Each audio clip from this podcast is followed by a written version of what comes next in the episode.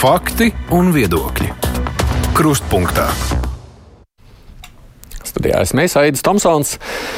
Šajā nedēļā mēs ļoti daudz runāsim par to, kas ir noticis pēdējā gada laikā kā tas mūs ir ietekmējis un mainījis, un kāda tam būs arī nozīme tālākajos notikumos.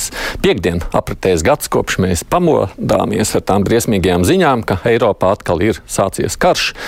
Un tas, kam daudzi nespēja noticēt, bija noticis. Krievija bija uzbrukusi Ukrainai. Шановні громадяни України, сьогодні вранці президент Путін оголосив проведення спеціальної військової операції на Донбасі.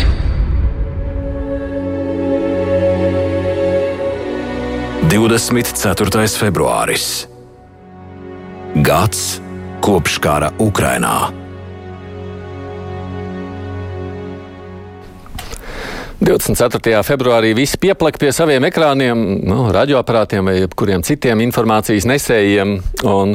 Tajā laikā daudz arī viņu iepazina. Cilvēku, par kuru iepriekš Latvijā daudz nebija dzirdējuši. Tā viņa iedrošinošā pārliecība, ka Ukraiņi spēja un ka Ukraiņi aizsargās savu valsti, gandrīz vai nomierināja. Vēlāk gan viņš kādā brīdī atzina, ka pats nemaz tik ļoti pārliecināts par savu teikto nebija, bet tajā brīdī tas bija ļoti vajadzīgs. Un kopš tā laika daudzi viņu ir klausījušies un klausās joprojām. Runa ir par to laiku Ukraiņas prezidenta biroja padomnieku Aleksiju Aristoviču. Šogad gan viņam nācās iesniegt atlūgumu, un viņš prezidenta komandā vairs nav, bet šodien viņš ir krustpunktā pirmdienas lielās intervijas viesis. Pirms es ar viņu sasveicinos, es arī paskaidrošu klausītājiem, ka tā kā mūsu saruna notiek tiešraidē, tad mums nu, nav iespēja nodrošināt cita veida komunikāciju kā vien caur tiešo tulkojumu. Tātad mēs esam ne tikai dzirdami, un vēlāk arī būsim redzami Latvijas televīzijā, bet nu, mūsu tiešraidē šobrīd rāda arī portāls LSM, tāpat kā Latvijas radio viens mājaslapa, mūsu Facebook konts. Bet tiem, kas prot krievu valodu, būs tad iespēja noklausīties sarunu arī oriģinālu valodā. Audio skaņa mājaslapā, lietotnē un podkāstos būšot jau dažas minūtes pēc ētera. Video savukārt ar skaņu apmēram pusstundas laikā mums sola Latvijas radio mājaslapā un arī Latvijas radio YouTube kanālā. Tātad tie, kas nu, prot krievu valodu, šo var izmantot un tad pēc raidījuma savukārt klausīties oriģinālā. Nu, pārējie pieņemiet šobrīd situāciju tādu, kāda tā ir. Es saku arī paldies Aigai Veckalnē, kas palīdzēs mums saprast to, ko es runāju un es pārēju uz krievu valodu. Господин Арестович, добрый день. Арестович, kungs, labdien. Спасибо, что нашли возможность Paldies, ka atradāt iespēju pievienoties mūsu ēteram. Prezidents ASV Joe Biden. ASV prezidents Joe Bidens ir ieradies Kijevā. Vai zinājāt, ka viņš ieradīsies? Nu, скажем так. Teikšu tā. Ar 80% precizitāti es to zināju, bet tā pilnīgi jūs to šodien tikai uzzinājāt. Jā, tikai šodien, bet daži. Daži apstākļi jau liecināja, ka kaut kas tāds notiks. Vai tas ir svarīgi, ka viņš ieradās Kijevā? Tas ir ļoti svarīgi. Jo kara gadadienas priekšvakarā tas ir ļoti svarīgi, jo šāda, at, šāds atbalsts ir svarīgs, un viņš arī šo atbalstu pauž savās runā, preses konferencē un arī saturiski. Protams, mēs visi plašāk publika to neuzzinās, bet tas, ko viņš saturīgi, pa, saturiski pasaka, ir ļoti svarīgi. Un, protams, šo, šo vizīti Kīvas prezidenta birojas uztver kā ļoti strateģisku, un tai saka, ka tiks risināt jautājumi, kas iepriekš netika risināts. Un, protams, ir runa arī par palīdzību, un ņemot vērā, ņemot vērā ka šobrīd arī Ukrainai lielākoties budžetu veido tieši militāro rietumu palīdzību. Tātad runās par jautājumiem arī tajā sakarā par to, ko iepriekš nesolīja. Vai tā? Nu, ja Baidens saka, ka mūsu uzdevums ir, lai Ukraina uzvara, mēs saprotam, ka bez noteiktu bruņojumu veidu, īpaši lielos daudzumos, to nav iespējams izdarīt. Un jūs domājat, ka šodien kaut ko apsolīs, bet nevarēs par to teikt skaļi? Proti, ne visu pateiks skaļi, bet mēs kaujas laukā redzēsim izmaiņas. Un prezidents Zelenskis jau jau arī teicis, ka šīdienas vizītes rezultātu Krievi jutīs kaujas laukā. Nu, publiski ir zināms par haimeriem, par pretgaisa aizsardzību, par munīciju. Par radioaprīkojums, radari un papildu munīcija. Bet tas ir tas, ko mēs šobrīd zinām publiski. Bet tas, ko mēs nezinām, mēs tā arī neuzzināsim. Es domāju, ka neuzzināsim. Kaut ko redzēsim kaujas laukā, nu, munīcija, haimariem, paši haimarsi. Bet, protams, jautājums par to, cik tālu viņi var trāpīt. Vai tad bija nepieciešams šo vizīti organizēt slepeni, slepeni vai ir bīstami viņiem būt Kīvā? Es nedomāju, ka, no, ka, ka tā nopietni runājot, ka Krievija nodrošinātu kādu apdraudējumu Baidenam, bet protokols šādās vizītēs kara laikā nosaka to, ka ir nepieciešama šāda slepenība, un tā visticamāk bija ASV puse, kas noteica, kādā kārtībā tiks organizēta vizīte. Vienīgais tas, ko mēs nekad neuzzinām, Nu, Vienmēr šķiet, ka tur noteiktais durvīm runā par labām lietām, bet nevar par tām runāt. Bet varbūt tur ir kaut kas arī nepatīkams, ko apspriež aiz slēgtām durvīm. Nav izslēgts. Protams, nekur nepazūd jautājumi par cīņu ar korupciju Ukrainā. To mēs redzēsim pēc atkāpšanās no amatiem, kas sekos šai vizītē, vai cilvēku nomaiņai dažādos amatos. Neizslēdzu. Par korupciju es vēl jautāšu nedaudz vēlāk. Taču Taču, lai las klausītājiem būtu skaidrāks, vai jūs joprojām atbalstāt Zeļenski vai ne? Viņš ir mūsu armijas vadonis un, protams, kurš cīnās par uzvaru, un es viņu atbalstu.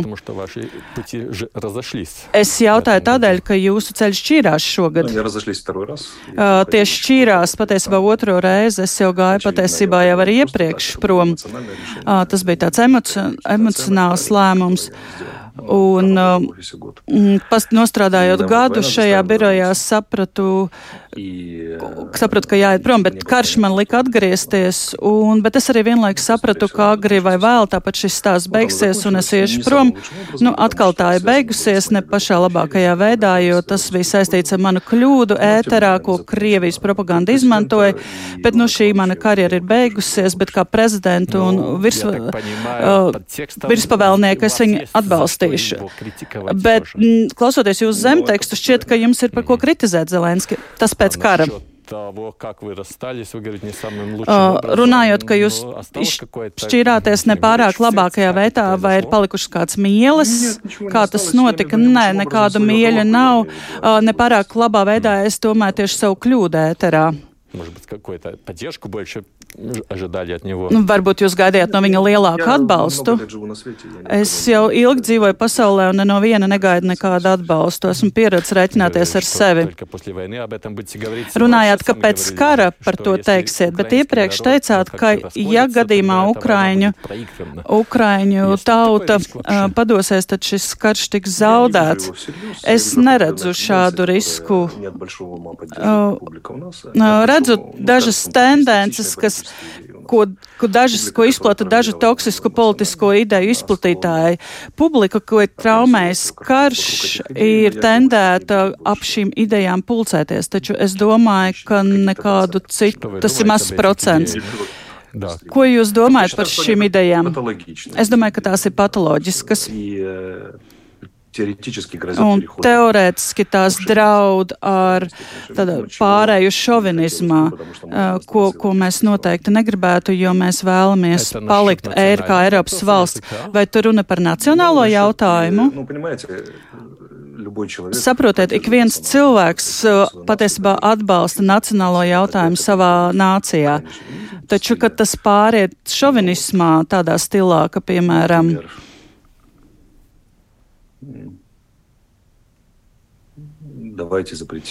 Piemēram, aizliegsim, aizliegsim un, un ierobežosim visus, kas joprojām runā Krievu valodā, bet mums, mums pusfrontes runā Krievu valodā. Līdz ar to šīs idejas ir potenciāli politiski bīstamas, un Ukraina ir pārāk specifiska valsts atšķirībā no Latvijas, kuru bieži min kā piemēru. Mēs nevaram atļauties šādas straujas kustības, visam ir jābūt maigi un akurāti, jo ir, jo ir karš. Un, Un Putins šo karu ierāmēja kā šādu vēsturiskās taisnības karu, Un ir jāsaprot, ka Latvija jau nekonkurē, piemēram, ar Krieviju par to, kas bija pirmais Krievzemē, Ukraina vai Krievija. Mēs konkurējam par šo pirmavotu, tāpēc ir daudz māņu, tāpēc ir daudz vēsturisku faktu viltojumu, un Krievi, Kremlis to izmanto. Un ir cilvēki, kas, kas reaģē uz šo tik sāpīgi pie mums, ka veido to par politiskām idejām. Un psiholoģiski šie cilvēki ir tādās līdzatkarīgās attiecībās, jo viņus principā kontrolē Krievija. Mēs tam izgājām cauri 18. gadā, kad tika ierosināts šis lielās Ukrainas projekts. Un divus mēnešus pēc tā patiesībā viņi zaudēja bolševikiem Jo e, Ukraina kā monoetniska valsts ir patiesībā tai, nu, tai būs sagrāve, bet Ukraina kā plašs projekts, kā piemēram Ukrainas Savienotās valsts, nu tā nosacīt runājot, kā plaša toleranta sabiedrība, sabiedrība, kas domā par efektivitāti vairāk nekā par vēsturiskām traumām, šādai Ukrainai ir liels iespējas gūt panākumus vēsturiski, politiski, starptautiski. Un es atbalstu šo šo Ukrainas kā plaša projekta ideju. Es domāju, ka Latvijā tas, ko jūs runājat, arī daudziem būtu nepatīkami vai nepieņēmami, jo arī Latvijā pēc kara Krievijā šis jautājums, nacionālais jautājums, valsts valodas jautājums ir kļuvis ļoti aktuāls un daudzi cenšas darīt visu, lai Krievu valodu izskaustu publiskajā vidē. Bet runa jau nav par krievu valodu, bet, bet par, par brīvas nacionālās Ukrainas ideju, kas parādījusies šā kara laikā. Un te ir runa par, par cīņu par brīvību un nav runa par krievu valodu. Protams, ukraiņu valoda ir valsts valoda un ukraiņu valoda ir jādominē un tā, tā maksimāli jāatbalsta. Но я сторонник формулы украинского Taču man patīk, man patīk tieši, ka mēs, ka mēs dodam visiem šo brīvību. Ukrainā dzīvo 56 tautības. Un ja mēs pēkšņi šo pašidentifikāciju sākam tā ar varu mainīt, tas būs ļoti grūts un nepateicīgs un arī bezperspektīvas process no man, man viedokļa raugoties. Arī 31 gadus pēc, joprojām, tad, kad mēs paceļam šādus jautājumus, ir runa uzreiz par Ukrainas šķelšanos, bet mūsu uzdevums ir apvienot nāciju, apvienot visus, kuri šobrīd cīnās par, par Ukrainas Ukrainas brīvību. Jā, daudz krievu, azerbaidžāņu, ukraiņu, tatāri. Nevis krievalodīgi ukraiņi, bet tieši krievi. Viņi ir viena no aizrautīgākajiem karēvijiem Krievijas, bruņ, Ukrainas bruņotajos spēkos. Un viņi zina, kas ir Krievijas pasaule pēc tā, ko viņi redzējuši, kas notiek Ukrainā, un ka viņi joprojām ir gan krievalodīgi, gan krievu tautības. Mana centrālā ideja ir visu, kas veicina Ukraiņas apvienošanos, tas ir labi. Viss, kas veicina Ukraiņas šķelšanos, tas ir slikti. Un klāji šovinistiskas pozīcijas un, un lozungi strādā tikai šķelšanās virzienā. Un tas, tas nav tikai mans viedoklis. Es uzskatu, ka mums visiem ir jā, nepieciešama ļoti vieda, smalka politika, tāda smalka ķirurģiska politika. Un, protams, ka ir svarīga ukraiņu valoda kā vienojošā ukraiņas kultūras valoda, taču reģionālā pašidentifikācija, individuālā pašidentifikācija, tā ir jāpaliek cilvēku izvēlē, jo gal galā ir svarīgākais ir pašizpausmas brīvība un brīvība vispār. Vēl kāds jautājums par to. Jūs minējāt arī Ungārus. Daudzi saka, ka Ungārijas attieksme Ukrainas jautājumā šobrīd bieži vien slēpjas, it kā slēpjoties vēsturē, kā arī tas ir jāpārvar. Vai jūs tam piekrītat? Mums ar Ungāriju brīnišķīgas attiecības скажем так. Вот у нас не скажу, у меня лично скажу. Man, piemēram, personīgi ir tāda personīga neizpratne par dažu premjerministru, Ungārijas premjerministru pol izteikumiem, politiskajiem izteikumiem, kā viņi flirtē ar Krieviju, kāda viņiem ir anti-Ukrainas paziņojumi, šī ne, nevēlēšanās piedalīties sankciju uzlikšanā nevēlēšanās vai pat tiešas darbības, lai bloķētu NATO un, un Eiropas Savienības rīcību pret Krieviju. Un tie tādi, tās ir atsevišķas, atsevišķi tādi ekscesi vai, piemēram, kartas parādīšana, kur aizkarpati ir Ungārijas, Ungārijas pusē. Un te mēs redzam Ungārijas, piemēram, mēs redzam, ko nodara šovinistu nonākšana pie, val, pie, valdi, pie varas. Un viņu partija tieši strādā šādā virzienā publiski. Un vai ES, Eiropas Savienības un NATO valsts ir atbilstoši, lai, lai veidotu šādus žestus, kas, kas drīzāk ir, ir vērst uz to, lai atvērtu Ukrainai, lai atrautu Ukrainai teritorijas daļu. Un šovinisms ir ļoti, ir ļoti bīstama lieta. Tas sākas ar dzimto valodu, un beigās tas beidz bieži vien to ar tādu iejaukšanos svešā teritorijā vai, vai svešas valodas izskaušanu, un Orbana kungs ir tieši pierādījums tam, kā tas notiek. Un mēs jau zinām arī pēc sevis, kā tas, kā tas varētu notikt deklarировали вступление в свои un, un mēs arī savā konstitūcijā esam paredzējuši, ka vēlamies būt Eiropas Savienības un NATO valsts, un mēs to vēlamies darīt, un mēs to negrasāmies sabotēt ar šādām politiskām idejām. Un premj Ungārijas premjerministra pozīcija ir labs pierādījums tam eksperiments, tam, par ko valsts pārvērtīsies, ja tā notiks. Jūs jau minējāt korupciju un pēdējos skandālus, kas, par kuriem esam dzirdējuši Ukrainā. Vai tie arī nav kaut kādā veidā veicināt sabiedrībā šķelšanos? Un, un radīt tādu naidīgu noskaņojumu pret Kīvu valdību Kīvam. Saprotiet, te ir runa par individuālo atbildību un konkrētu politisko spēku, politisko atbildību. Protams, ka valdībā tiek, vei, tiek veiktas kļūdas, kā jebkurš cilvēks to dara, kā jebkuras valsts valdība to dara. Bet ka, uz ko mums jākoncentrēs kara laikā? Uz kādām iekšējām cīņām vai uz cīņu ar ārējo ienaidnieku, kas vēlas mūs iznīcināt? Manuprāt, vispirms mēs runājam par otro uzdevumu, jo mūsu uzvara vēl nav acīm redzama, jo mums joprojām ir lieli Krievijas karaspēki frontē, un tāpēc tajā brīdī izšūpot situāciju iekšpolitikas jautājumos nav, nav īpaši labi. Mums ir audits no ASV puses, pat bija karstās līnijas, ir pat karstā līnija, kur var zvanīt par korupcijas gadījumiem. Un tika pārbaudīti arī piegādāto ASV ieroču, pieg, ASV ieroču piegādes. Un, un, piemēram, ar enerģētikas sektorā tika veiktas pārbaudas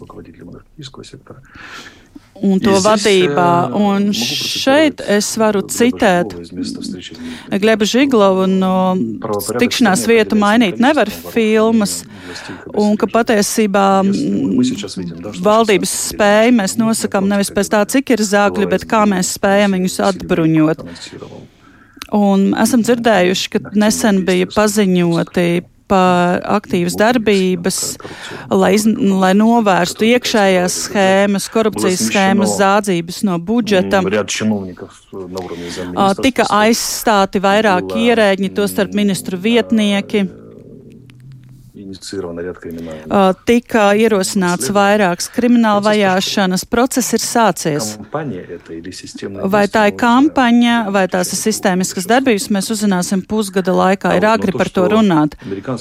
Taču tas, ka Amerikas puse veicina to un uzstāja, lai būtu šāda caurskatāmība, tas ir neapšaubāmi.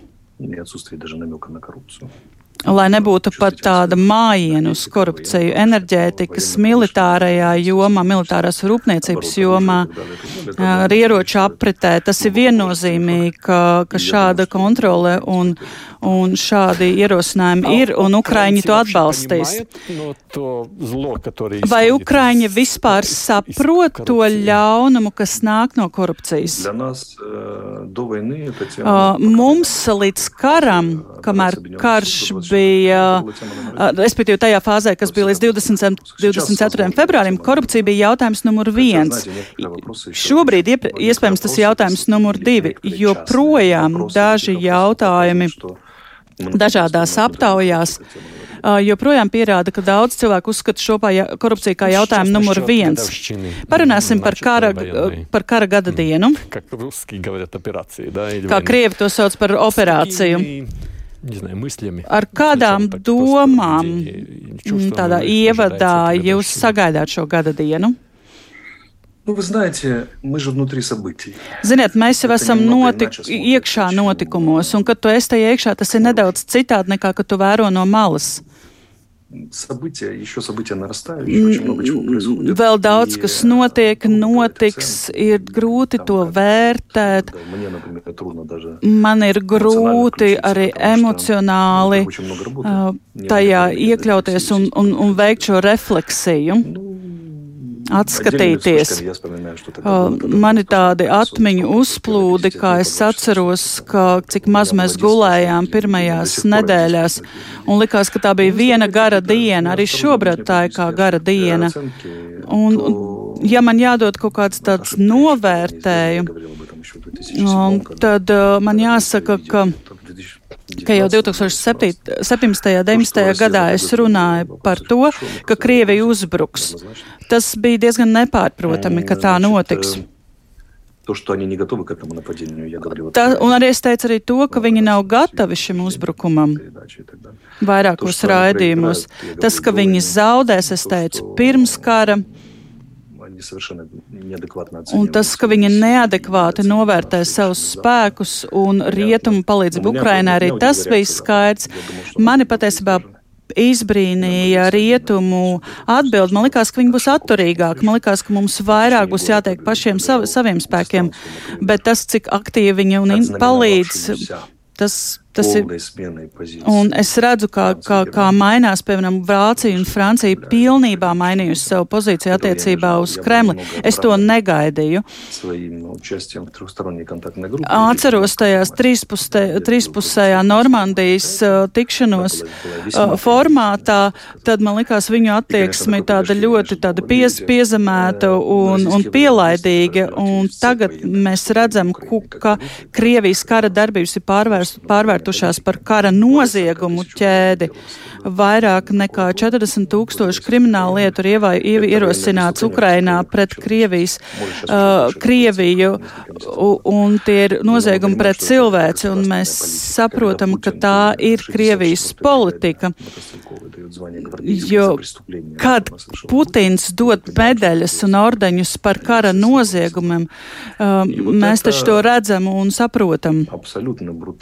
Un tas ir absolūti, un tas ir, to ir absolūti var redzēt, kā Mokro, Makrons, piemēram, ir pateicis pirmām kārtām ANO drošības padomes pastāvīgā dalība valsts ir pārkāpusi statūtus, otrām kārtām viņi pārkāp visus starptautiskās sabiedrības likumus, nepilda starptautiskās vienošanās, un viņi ir izvēlējušies tādu ceļu.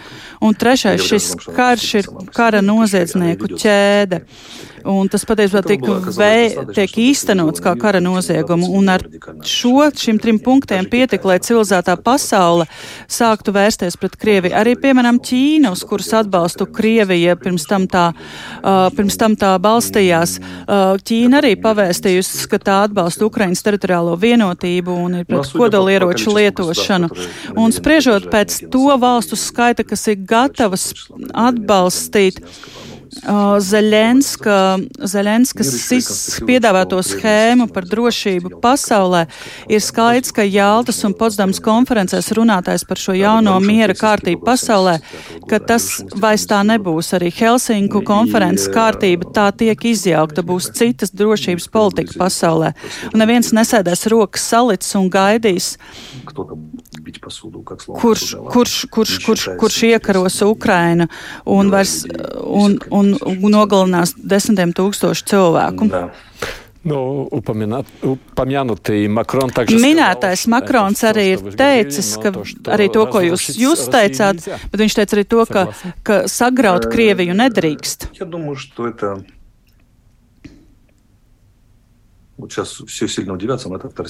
Es domāju, ka tas ir otršķirīgs jautājums. Pa, varbūt visi brīnīsies par to, bet pirmais galvenais jautājums ir uh, militārā sagra, Krievijas sagraušana. Otrām kārtām kara noziedzniekiem jāatbild par, par, par izdarīto, to starp Putinam. Man, man ļoti svarīgs bija mirklis, kad tiesa tribunāls Hāgā apvainoja Putinu kara noziegumos. Arī Kadafī neuzreiz atbildēja par saviem noziegumiem. noziegumiem. Vispirms ar viņu runāja, un, manuprāt, novembrī, decembrī notika vairāk aizkul, vairākas aizkulišu tikšanās. Nevar tikt tās saukt par pārunām, bet uh, drīzāk par konsultācijām, kur rietumi piedāvāja Putinam nākt pie prāta prāta. Bet viņš acīm redzot pateica, nē, mēs cīnīsimies līdz galam un plānoja uzbrukumu. Nu, viņu uzskata šobrīd par nepieskaitām un attiecīgi tā arī rietumi reaģē. Un rietumos, protams, ir dažādi uzskati. Daži ir tādi jāsagrauj Krievijai, jā, jā, jāsakauj Putins, bet ir arī citi. Galvenais jau, protams, ir kontrole pār kodolieročiem. Otrām kārtām, lai Krievijā nenotiktu, nenotiktu civil pilsoņu karš. Trešais каких-то очень значимых в мировом масштабе. Un, piemēram, pasaulē nozīmīgu, aktīvu turpmākais liktenis, piemēram, tās varbūt kodolgalvas vai dažādi citādi, citi kodoli ieroču materiāli. Viss pārējais, manuprāt, ir tādā, nu, tādā noteiktā kārtībā. Šis tas notiks ar Krievijas sakārtošanu, tiks galā galvenais, lai kodolieroči netiek izmantot uz āru vai, vai iekšpusē. Uh, un ir svarīgi tas, lai pie Kremlī pie varas būtu pieskaitām, um, pieskaitām cilvēki, ar kuriem var sadarboties. Bet tālāk iekšējie procesi, procesi Krievijā, vai, tā, vai tie integrēsies, vai gluži otrādi sabruks un, un dezorganizēsies, tas ir otršķirīgs jautājums. Bet šobrīd pēc dažādiem paziņojumiem ir redzam, redzams, ka Kā Krievijā tāds aktīvs uh, pilsoņu karš ar daudziem bēgļiem un, un nezinu, kodolieroču nonākšanu kāda cita rokās ir svarīgs uzdevums, lai to novērstu. Minēto Minhenes drošības konferenci pieminot, tomēr tur tika teikts, ka visi kari beidzas ar miera sarunām, miera sarunās, nevis frontē. Arī šeit visticamāk tā būs. Переговоры с кем? Pirmām kārtām pārunas ar ko, un otrām kārtām pēc kā. Arī bezierina kapitulācija jau ir daļa no, no pārunu procesa. порядке безоговорочной капитуляции. Но, Но здесь такой не будет. Nu, šeit visticamāk bezierunu kapitulācijas nebūs. То, что Bet, protams, ir uzdevums ve, no, nodrošināt pilnu militāro Krievijas sakāvi. Par to, tas ir par to runā skaidri un tieši. Tas ir acīm redzami, un tas to var stalasīt starp rindām visos paziņojumus. 89% ukraiņu. Un Ukrainā 89% aptaujāto atzina, ka viņi ir gatavi turpināt kara darbību pat pēc tam, ja tiktu pielietot kodolieroči. Ukrainai ir starptautiski atzīta robeža, ieskaitot Krimu. 4% наших граждан Un tikai, tikai 4% mūsu iedzīvotāji vēlas veikt kaut kāds pārunas par Krimu. Lielākā daļa vēlas atgūt šīs teritorijas. Šī ir bezprecedenta atbalsts no iedzīvotāju puses. Es pat nezinu, vai kādā demokrātijā tā ir bijis. Turklāt par tādu svarīgu atslēgu jautājumu. Mums viss ir skaidrs. Vai nu viņi aiziet paši, vai mēs viņus sakaujam un no, no visas teritorijas izmetam ārā. Bet Krievijas militārās sagrāva ir svarīgs uzdevums. Насчет еще этой поддержки, ну, в Латвии... Runājot par šo atbalstu, Latvijā dažkārt var dzird, dzirdēt tāds, no, tāds rūpes par to, ka, m, bet bažas, ka karš turpinās, tāpēc, ka rietumi atbalsta gan materiāli, gan finansiāli Ukrainu. Bet, ja, piemēram, karš ievilksies, parādīsies nogurums, palīdzības apjoms samazināsies, un tad iestāsies tāda fāze un grūta situācija. Mums nedraud nogurums vai palīdzības samazināšanās, jo rietumu attiec, attieksme pret Ukrainu, attiecības ar Zaļenski, tas viss ir balstīts tajā, lai, lai veicinātu Ukrainas uzvaru. Uh, nākamās vēlēšanas uh, ir plānotas 2024. gadā, un līdz tam laikam mēs varam paredzēt to, ka atbalsts no ASV puses Zeļenskim būs, un Krievija neizturēs tik ilgi. Arī tagad mēs redzam, ka viņi mēģina uzbrukt, bet, bet viņiem jau šobrīd trūkst resursu, piemēram, Kupinskas, Luhanskas virzienā, arī citur. Jo iesaukt 300 tūkstoši cilvēku, apmācīt to tos un padarīt viņus par kaujas spējīgiem ir ļoti sarežģīts process. Visu mācību centru ietilpība Krievijā un Baltkrievijā ir, ir daudz mazāka nekā viņi spēja iesaukt. Un joprojām daļa iesaukto iepriekš dzīvo teltīs un mācību centra kopmītnēs un nav sākuši mācīties, jo nav kapacitātes. Tas taču par kaut ko saku. 300 tūkstoši karaspēkam vajadzētu 40 tūkstoši seržantu, kā Krievijai arī nav. Turklāt viņiem taču jau ir tanku pulki bez tankiem un artilērijas vadi bez artilērijas. Bet proti bez tehnikas. Un ja nu, ja Krievi no kaut kurienes nesaņems ieroču piegādes, piemēram, no Ķīnas, bet arī Ķīnas šobrīd saka tikai par miera iniciatīvām un miera risinājumiem, es neredzu Krievijai nekādas perspektīvas. Uh, pat šobrīd, veidojot it kā šo uzbrukumu, viņi patērēs tik daudz resursu. Uh, un turklāt, lai atvairītu arī mūsu pretuzbrukumu. Un nākamais vilnis šie 300 tūkstoši nu nav paceļami. Šis karš Krievijai nav, nav, nav perspektīvas, lai panāktu tos uzdevumus, ko viņi vēlas panākt. Viņi sāka iebrukumu Solidarā pagājušā gada augustā. Tur bija dažādi, in, dažādi intensitāte, bet nu, viņi sāka atskaitīties, ka, ka, ka 5. Ka augustā sāka un tikai 5. janvārī viņi, uh, viņi ieguva, iebruka solidārā un iegūta to savā pārziņā. Nu, ko mēs varam te gribēt? Maz ciemats. Protams, mēs raugāmies uz situāciju karā, šķiet, ka viss ir apstājies. Desmit, desmit metru vienā pusē, desmit metru uz otru pusi, noteikti tāds savstarpēs cīņas, it kā nekas nenotiek. Bet ir, un ir sajūta, ka tāda taču var ilgi to var ievilkt. Un, un Minhenes konferencē Šolts arī teica, ka, ka tas būs ilgs karš. Zelenskis teica īsts karš. Kam lai tic Šolcam vai Zelenskim? Es neredzu ilga kara perspektīvu. Ir runa, ka šāda mēroga karā, un tas ir lielākais karš pēc uh, otrā pasaules kara, un lieluma ziņā arī lielākais pēc, arī pēc Irākas kara, uh, заставить, например, фронт стабилизироваться. Nav iespējams stabilizēt fronti. Миллион двести человек у нас подружились. Mums ir miljoni divsimt tūkstoši cilvēku ar ieročiem. Pat ja mums nedos Haimars, mēs kājām iesim un sakausim Krievus. Слабут. Krievijas karaspēks kļūs arvien vājāks, un katru šādu uzbrukumu viņi novājinās. Turklāt viņiem taču ir politisks uzdevums, piemēram, Donetskas apgabalā. Viņam ir svarīgs politisks uzdevums paziņot savai tautai par uzvaru. Bet šo uzdevumu viņš neīstenos. Viņi ieņems Bahmutu varbūt, jo, bet viņi to joprojām nevar izdarīt. Bet aiz Bahmutas ir vēl piecas lielas pilsētas. Konstantinovka, Duškovka, Slavjanska, Kramatorska, tā absolūti nereāli.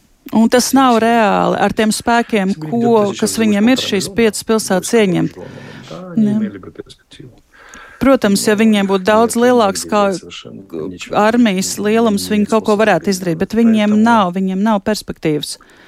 Понимаете, российская армия никогда уже не будет более сильной, чем она была в июне. Krievijas armija vairs nekad nebūs tik stipra, kā viņa bija pagājušā gada jūnijā.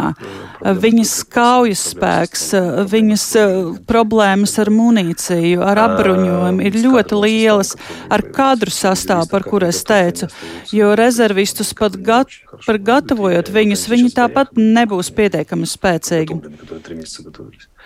Un mēs redzam, ko dara tie, kas trīs mēneši gatavot. Nu, viņi nav pārāk spējīgi uh, frontē. Un ja mēs tikām tikām galā ar viņu elites daļām, jau, un, un viņu atliekas šobrīd ir mūsu melnzemē. Nu, ko tad mēs varam runāt par visiem tiem jaunajiem mobilizētajiem, kuriem ir jātiek galā, galā ar uzdevumu, ko nespēja spēcīgas armijas daļas?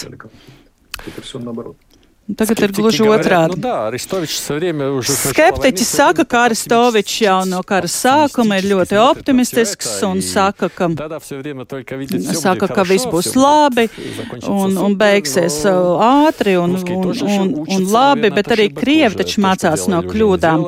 Viņi nedara vairs to, ko darīja.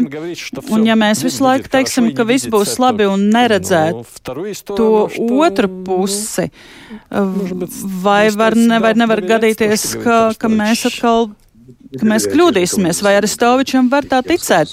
Es nesaku, ka man ir jātic, tas ir mans personīgais viedoklis, tas nemainās jau patiesībā oficiāli no 2008. gada, kur es paredzu mm, Krimas okupāciju. Nav tā, ka es to visu sāku teikt 24. februārī pirms gada. Es vienmēr esmu teicis, jo es zinu, kas, kas ir Krievija, es zinu, uz ko viņi ir spējīgi, ko viņi var un nevar. Un Ukrainas, Ukrainas sagrāva, Ukrainas okupācija nav iespējama. Ja, viņiem bija iespējas, bet arī tad viņi nespēja to izdarīt. Viņi nespēja iespēt, ieņemt lielu daļu Ukrainas. Arī, bet tagad, jo īpaši viņi nespēs to izdarīt, nevar būt tā, ka valsts ekonomika kurai ir, ir mil, ne, salīdzinoši neliels IKP salīdzinājumā uzvarēt valsti, kur atbalsta rietumi ar milzīgu IKP. Ātra uzvara, protams, būtu brīnišķīgi. Arī rietumu mēdīs saka, ka, ka pavasarī iespējams būs Ukrainas pretuzbrukums, bet Ukraiņa jau līdz tam laikam saņems tikai ceturto daļu no solītā bruņojuma. Nu, un ka tas viss pārāk lēni notiek, un tāpēc arī mēdīs saka, ka tas ievilksies. Uh, bet, protams, jāsaka, ka ne viss, ko stāsta mēdījos, ir, um, ir tas, ir patiesība. Un mēs taču šobrīd ar kaut ko karojam, vai ne? Mums ir bruņojums. Nu, šobrīd šķiet, ka viss it kā stāv uz vietas, tomēr gribētos kaut kādu pagriezienu punktu. Uh, smagas cīņas uh, Bahmutā. Uh, smaga artilērija ir vajadzīga tam, lai varētu aizliegt iespēju pretiniekam uzbrukt. Nu, šobrīd Krievija vai uzbrukt pie Bahmutas 80 km platā joslā. Un tur viņi ir sakoncentrējuši visu labāko, kas viņiem ir aviācija, tanki, kainieki. Viņiem ir savi procesi, jo arī šobrīd Vāgners tiek patiesībā nu, tāds apklusināts, jo viņu tehnoloģija ir draudēt ieslodzītajiem ar nošaušanu, un tāpēc viņi cīnās. Taču mēs redzam, cik vājas ir viņu iespējas un kaujas spējas tajā pašā Vuhladarā. Jā, mēs redzam, ka dažos virzienos tur ir smaga artilērija, un mēs, piemēram, pie Bahmutas tikko redzējām smago artilēriju. Un, bet arī tur uh, notika, notika vi, viņu daļēji sakāvi, noteikti dažādi slēptie procesi, par kuriem mēs nezinām. Karš ar, ar, ar cenu desmit tūkstošu cilvēku nāvju cenu un ievainoto. Šā, šādam karam nav perspektīvas. Un, tas, un tas pat nav dažādos iecirkņos. Viņi to dara visu laiku tikai vienā vietā. Viss koncentrēts ir tur.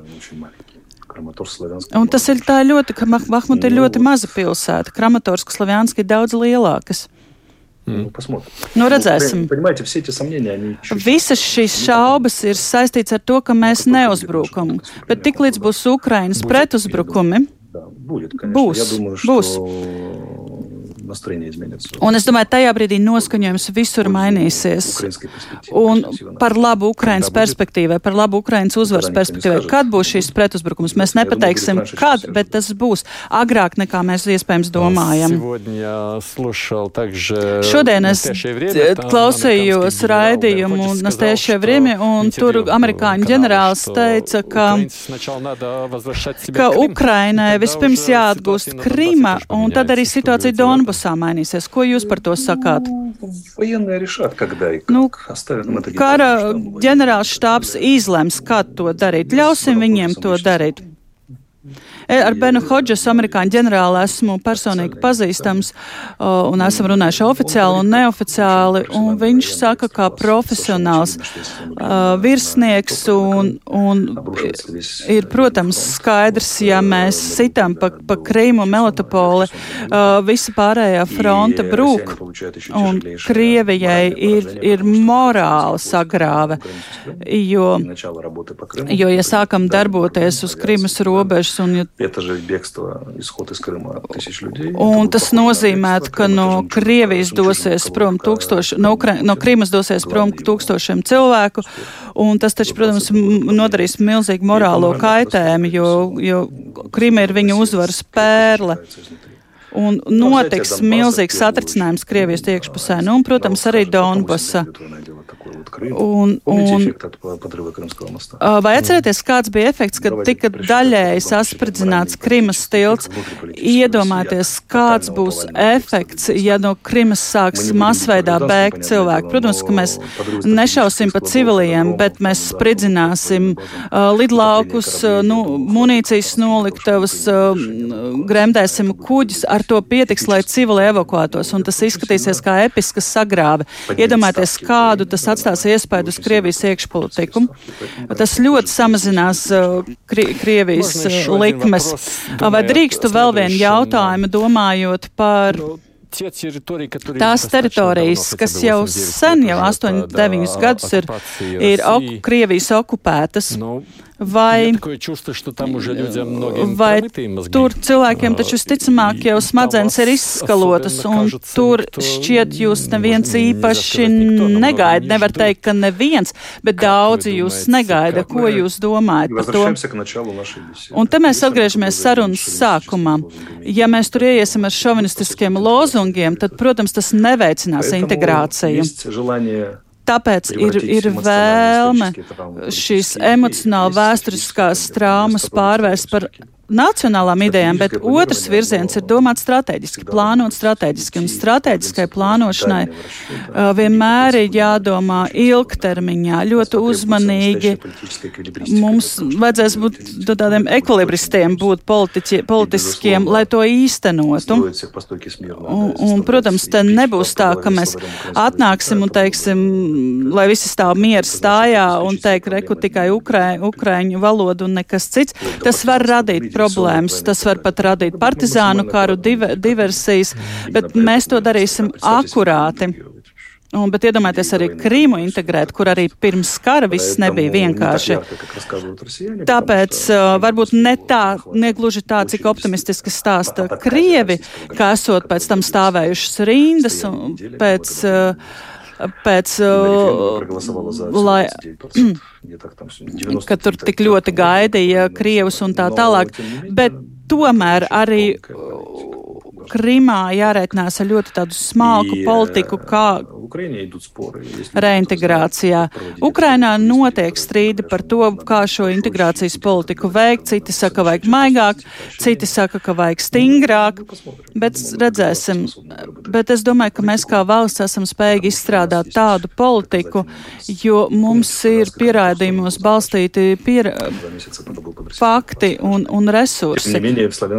Arī Slavjanskā taču bija līdzīgi atcerēties, bet Slavjanskā mēs nevienu neiesēdinājām cietumā, mēs nevienu nenošāvām. Ja?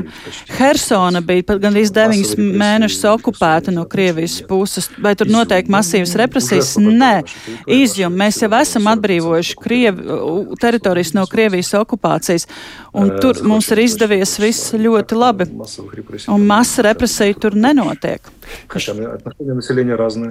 Protams, vēl viens jautājums. Karš rada arī dusmas. Un dažkārt es dzirdu no Ukraiņas politiķiem tāds naidīgs izteikums, dusmīgs izteikums, ka to nevar piedot, Krieviem jācieš tāpat kā mums, viņi visi jāiznīcina. Un dažkārt mani pārņem tāda trauksme, kas notiks ar šīm dusmām, ar šo naidu, kad karš beigsies. Я думаю, что победа, победа высветлит это. Es domāju, ka karš to visu izgaismos, kara uzvara karā to visu izgaismos, jo šīs idejas ir bīstamas. Un tad, kad to runā iedzīvotāji, tad, protams, to var saprast. No viņiem arī mēs nevaram prasīt lielu atbildību, bet ja tā runā politiķi, par to, par to gan, pret to gan es iebilstu. Es pret to iestājos, jo tā, tā mēs nedrīkstam teikt. Самой пострадавшей нацией друг от друга в Европе является французская Германия. Un mēs redzam visvairāk cietušās nācijas uh, Eiropā, Vāciju un Franciju. Un tie nu, kara noziegumi, kas tika veikti, ir, protams, lielāki par to, kas notika Bučā. Pirmās pasaules karš, otrais pasaules karš. Un tomēr otrā, un, tagad mēs redzam, ka, ka tās ir veselīgas nācijas, ka bijušie agresori šobrīd ir kļuvuši par galvenajiem sadarbības partneriem Eiropā. Un Krievija jau nekur nepazudīs, tā būs joprojām pie mūsu robežas. Un nemaz nerunājot par, par visiem vēsturiskajiem jautājumiem, э, kas joprojām nav atrisināti un par ko mēs domājam. Un Protams, tad, kad Krievijā nāks uh, pie varas uh, normāli politiķi, mēs atjaunosim šo sadarbību. Tas nenotiks ātri, tas nenotiks drīz, bet tas notiks. Un, lai mazinātu Ukrainas naidu, tam var palīdzēt arī. Um, Gūstekņu izdošana, un to mēs esam izvirzījuši kā vienu no miera saruna nosacījumiem mūsu teritoriju atdošanu, gūstekņu izdošanu un reparācijas. Un Krievija tam piekritīs šiem nosacījumiem. Tai nebūs citas izvēles, agrāk vai vēlāk. Un tā nav tā lielākā cena par tiem noziegumiem, ko viņi veica un šobrīd veic. Un te nav runa par tādu kolektīvo sodu, vai ka mēs gribētu kaut kādu Krievijas teritoriju sev. Ir vienkārši taisnīguma principi. Noziegums ir jāsoda, noziedznieki ir jāsoda, rep, reparā, reparācijām par, par izpostīto teritoriju, izpostītiem objektiem ir jābūt un tā tālāk. Un tālāk viss ir atkarīgs no Krievijas val, jaunās valdības pieskaitāmības. Немножко еще в конце. O, nedaudz noslēgumā par jums, kad jums bija jāpamet prezidenta komanda Ukrainā. Tas, ko jūs toreiz ēterā teicāt. Nu, to, что вы сказали, это была šī, ошибка, šī да? kļūda, tā, tā bija tā kļūda, kuras dēļ jums bija jāatkāpjas. Nu, паркет в Днепре. Jā, nu, par to raķetes triecienu Dnipro, un tā bija mana kļūda, nepietiekama informētība. Un kad bija jautājums par to, kas ir jādara ierēdim, ierēdim pat ārštat ierēdim pēc tam, kad viņš ir nopietni kļūdījies. Es uzskatu, ka man bija jāparāda civilizēts uzvedības piemērs, un es uzrakstīju atlūgumu. Un tas tika, mans, mans atlūgums tika arī īstenots. Viņi zina, kā labāk, es parādīju savu atbildību, un viņi, viņi nolēma šo atlūgumu pieņemt. Viss. Vai kļūda ir viegli, pie, pie, vai kļūdu ir viegli, at, viegli atzīt? Man tas nekad nav bijis grūti. Man vienmēr bija gribējies būt precīzam, maksimāli precīzam. Tāpēc es vispirms publicēju atsaukumu, otru atsaukumu, un tad, kad jau bija daudz vairāk šīs publikācijas par to arī propagandas kanālo, kanālos, es uzrakstīju atlūgumu. Ir cilvēki, ka jūs plāno, ir cilvēki, kas saka, ka jūs pēc kara plānojat būvēt savu politisko karjeru, vai tā ir? Es skatīšos. Tas taču ir rīks, nevis pašmērķis. Es gribētu reformēt reformēt savu valsti, un es redzu, kā pēc kara var rekonstruēt Ukrainu. Un es redzu, ka ir bīstamība, ja mēs to rekonstrukciju neizdarīsim pareizi. Es gribu piedalīties. Un vislabākais veids, kā piedalīties, ir atrotīt piedurknes un darīt. Protams, ir dažādi veidi, ko es varu darīt. Uh, piemēram, pēckara rekonstrukcija, Ukrainas likteņa attīstība. Es skatīšos. Man patīk brīvība. Tāpēc man no vienas puses negribas kļūt par ierēdnī ar kak ierēdni kaklas saitē. Šobrīd es cīnos savā informatīvi psiholoģiskajā frontē, un cilvēki saka, ka man sanāk diezgan labi. Tas, ka jūs bijāt prezidenta komandā un jūs visi klausījās, klausījāt, tas jau arī deva kaut kāds tāds iegums. Protams, arī tagad mani klausās. Ar to pašu Feiginu raidījumus, ko es veidoju, šie raidījumi YouTube patiesībā ir plašāk skatīti nekā iepriekš. Mums ir vairāk vairāk skatītāju. Vai domājat, ka būs arī ot kara otrā gada diena, kad mēs tāpat tiksimies un runāsim par to? Nē. Vis, ka, šāda kara kā tagad nebūs. Kādā no pesimistiskajiem scenārijiem iespējams kaut kur tiks iesaldēta fronte, iespējams, ka Krie Krievija joprojām viņas okupācijā paliks dažas teritorijas. Tas ir pesimistisks scenārijs, kādos noteikti apstākļu rezultātā все это захваченное по одной простой причине. Не хотели провоцировать большую войну. Jo iepriekš mēs, mums tagad ir cita pieeja, mums ir milzīga armija, un mēs vairs necietīsim Krievijas armijas palieks mūsu teritorijā.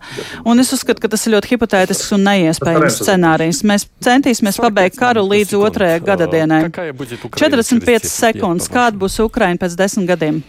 Ну, будет ли региональный лидер? Tā būs reģionālā līdere, kas visai pasaulē parādīs, ka brīvības ideja un cilvēku pašizpausmas ideja, valsts ideja, sabiedrības brīvības ideja ir ļoti svarīga. Tā ir, tā ir veca ideja, bet tā būs ļoti svarīga. Man ir svarīgi īstenot šo brīvību visur, kultūrā, politikā. Šāds uzdevums man ir, un es ceru, ka es to īstenošu. Lai jums tas izdodas. Paldies par sarunu šodien! большой, большой, большая благодарность. Paldies jums un paldies Latvijai par, un Latvijas valdībai par milzīgo atbalstu. Ukrainas prezidenta biroja padomnieks, nu tagad vienkārši politikas notikuma komentētājs Ukrainā Aleksijs Aristovičs. Paldies viņam par sarunu. Nu, šī raidījuma tapšanā uzreiz gribu sacīt arī publiski paldies Baibai Bļodniecei, kas mums palīdzēja šo interviju organizēt. Um, sinhrono tulkojumu nodrošināja Aiga Veckalne, producēja kā parasti tevija un um, studijā Aidis Tomsons. Es atgādinu, tātad, ja jūs gribat klausīties šo sarunu oriģinālā, tad, tad tūlīt pat pēc raidījuma man saka, dažas minūtes būs nepieciešams, lai jūs to varētu jau dzirdēt Latvijas radio viens mājaslapā. Nu, tāpat iespēja būs arī, protams, gan podkāstos, gan arī aplikācijā. Izmantojiet to, un savukārt video formāts, nu, bet arī redzēt, apmēram pusstundu, man teica, pusstundas laikā, tad tas būs arī pieejams jau savukārt gan Latvijas radio mums YouTube kanālā, gan arī Latvijas radio mājaslapā. Nu, izmantojiet iespēju klausieties šādā veidā tie, kas saprot Krievu valodu. Rīt Mārai Jansonai saruna būs par to, ko Latvijā ir mainījis karš pēdējā gada laikā, nu kādas tās pārmaiņas notikušas sabiedrībā, politikā, kā esam pieraduši vai pielāgojušies tam.